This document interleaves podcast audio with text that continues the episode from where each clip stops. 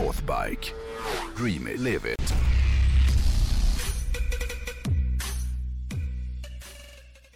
Alltså, Travis Pastrana var ju i Sverige i somras. Han håller på att utveckla någon ny rallycross-serie som heter Nitro RX. Det är en så här elektrisk rallycross-serie som ska turnera runt eh, hela världen. Och bilarna i den här serien är extremt snabba, för de har ju över tusen hästkrafter. ja, de går ju på el, så det, det, är, alltså det är så mycket kraft så det finns inte. Eh, men det här är ju trots allt dealen med hojen.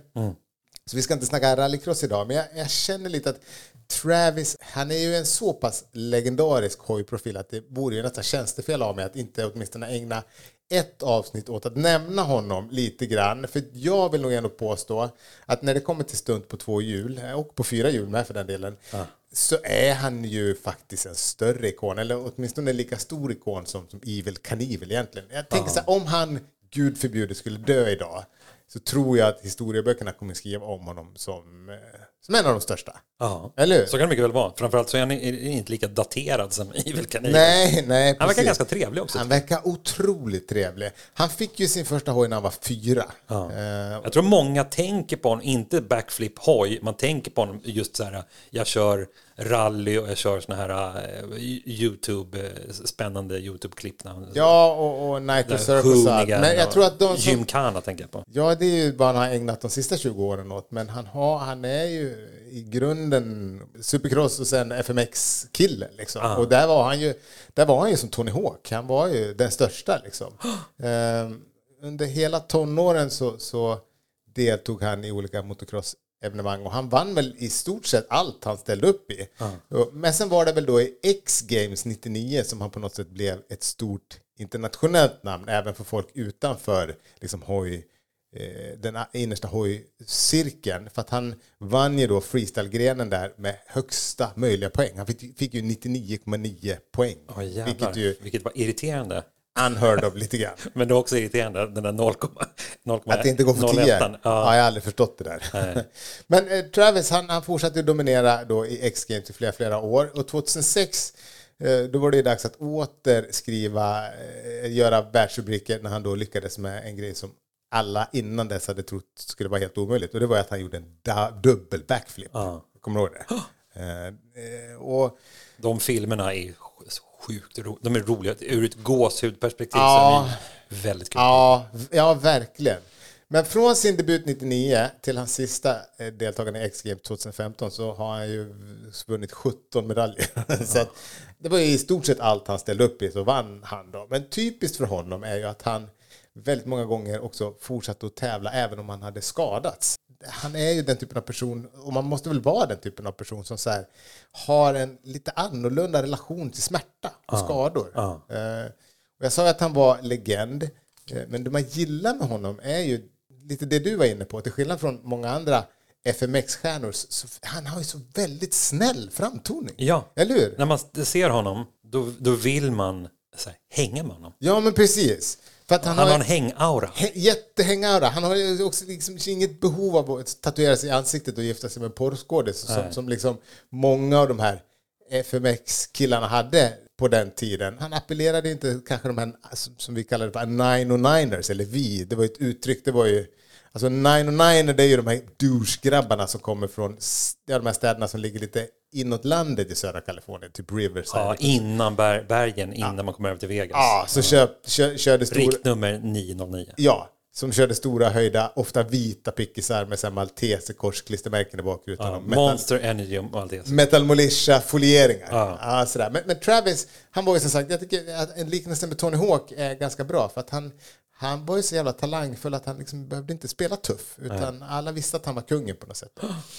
Eh, och, och 2018 eh, så fick han hur som helst för sig att han skulle hedra och hylla sin egen hjälte. Och det är faktiskt Evil Knievel, för även om de flesta fattar att Travis ju är flera gånger skickligare hojförare än Evil Knievel var, så, så är han Travis största idol. För att de delar ju samma typ av mod och driv att göra saker som ingen annan vågar och som ingen annan har gjort eh, förut. Då. Eh, för om man ska ge sig på stunt som ingen annan har gjort tidigare, då krävs det ju en viss typ av personlighet. För jag tänker att det är jävligt mycket svårare att vara först med att göra ett tryck än den som gör det andra gången. Har de träffats? Ja, det tror jag ja, absolut. Det Visst känns det som att Evil Knievel är full of himself, som man brukar säga? Ja, fast jag tror att jag har hört intervjuer där att Evil Knievels kärlek till, till Pastrana är väl besvarad, tror jag. Ah. Jag tror att de tycker jättemycket om varandra. Ja, vad kul. Ja, men eh, 2018 då, då gjorde, ja, det kan ju bero på att Pastrana gjorde, liksom, han hade en show där i Las Vegas som bara helt tillägnad sin stora idol. Ja, han gjorde, åkte i samma kläder och allting, eller hur? Ja, men precis. Exakt så. Eh, och det var ju tre spektakulära kända Evil Knievel-trick som, som eh, han gjorde. Bland annat då hoppa över den här Caesars Palace-fontänen. Det var ju det stuntet som gjorde kanske Knievel till en, till en legend. Eh, och, men det gick ju käpprätt åt helvete, för han kraschade ju och hamnade på sjukhus. Men så var det nästan alltid för Knievel. Det var ju flera gånger som han... Ja, men det började- slutade alltid med att han, fick åka pling-plong-taxi typ. Ja. Men, men Travis han fixade ju såklart det här Caesars Palace-fontänen ganska enkelt. Och sen så innan han hade gjort det så körde, gjorde han det där, du vet han hoppar över 50 bilar. Och sen så hoppar han över 16 Greyhound-bussar och direkt efter det på med capen och boom, över Caesars Palace. Eh, Men han gjorde det ju inte på en Triumph dock, utan han gjorde det på en Indian som var, eh, ja, det var väl samma typ av hoj som, som, eh, som HD då, men ja, det var en Indian i alla fall. Skitsamma. Han eh, nöjde sig ju inte med att bara köra hoj, utan 2003 så började han köra rally. Och det var ju säkert många rallygrubbar som satte äggmackan i vrångstupet tänkte jag när de hörde att Ja men du vet ju de här gubbarna liksom. Ja, ja. Och, och, och, men för han började ju vinna flera lopp över hela världen ganska direkt. Då. Han spöade ju till och med rallyguden Colin McRae i en tävling 2003. Vilket ju är helt, det är ju första året han, han, han, han tävlar då. Ja, men han är ju en sån galen naturbegåvning. Galen talang. Men, men du vet ju de här... Du, jag kan allt om rally. Jag har fan varit funktionär i 40 år på Svenska rally. Ja, du. Nu kommer den jävla...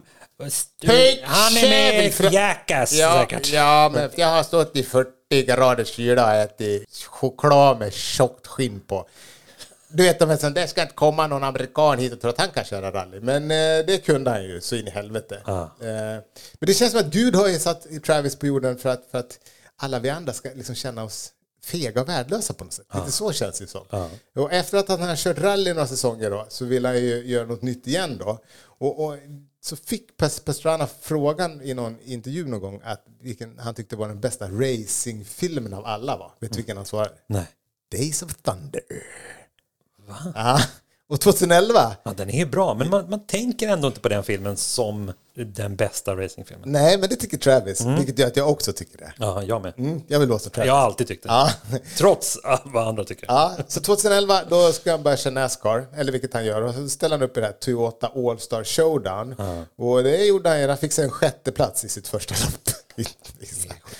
Och det är ju jävla väsensskilt tänker jag från, från allt det han har hållit på med innan. Men tydligen så, ja det spelar liksom ingen roll var man sätter honom bakom eller på. Det blir bara bra. 2012 så bestämde han sig för att köra hela säsongen. Och han var ju med och krigade om topplaceringarna vid varje lopp det året. Eh, pole position vid Talladega fi- fick han.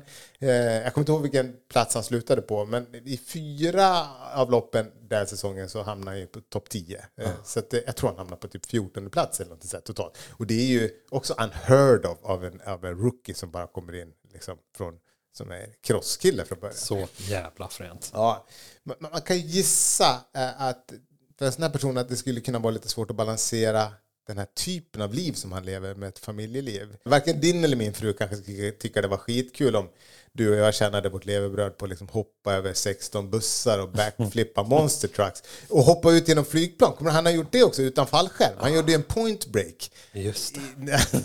Han hoppade, ja, det får, får, folk får kolla det klippet på YouTube. Eh, och han har ju faktiskt två små döttrar också. Men därför kanske det inte är så konstigt eller helt oväntat att hans fru är ju också en komplett galning. Nej, det är hon kanske inte. Men hon heter ju Lynn C. Adams Hawkins Pastrana. Och hon är ju en av få brudar som tävlar i Big Jump på skateboard. Och Hon är ju även medlem då i Nitro Circus. Eh, Och, jag Det känns som att det krävdes för att den där familjen skulle funka. Ja, men på något sätt. Så det, jag tror att det var, det var väl via eh, Nitro Circus som de träffades då. Och man kan ju anta att deras döttrar kanske inte direkt kommer spela cello Eller samla på frimärken. Hålla på med curling. Eller så är det precis det de kommer göra.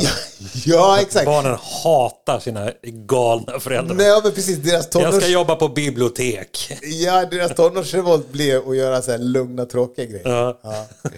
Hur som helst, Travis Pastrana är en person som verkligen lever upp till Northbikes tagline Dream it, live it. Och därför tänkte jag att han fick eh, stå som eh, ämne för veckans avsnitt av Dilemhojen. Snyggt.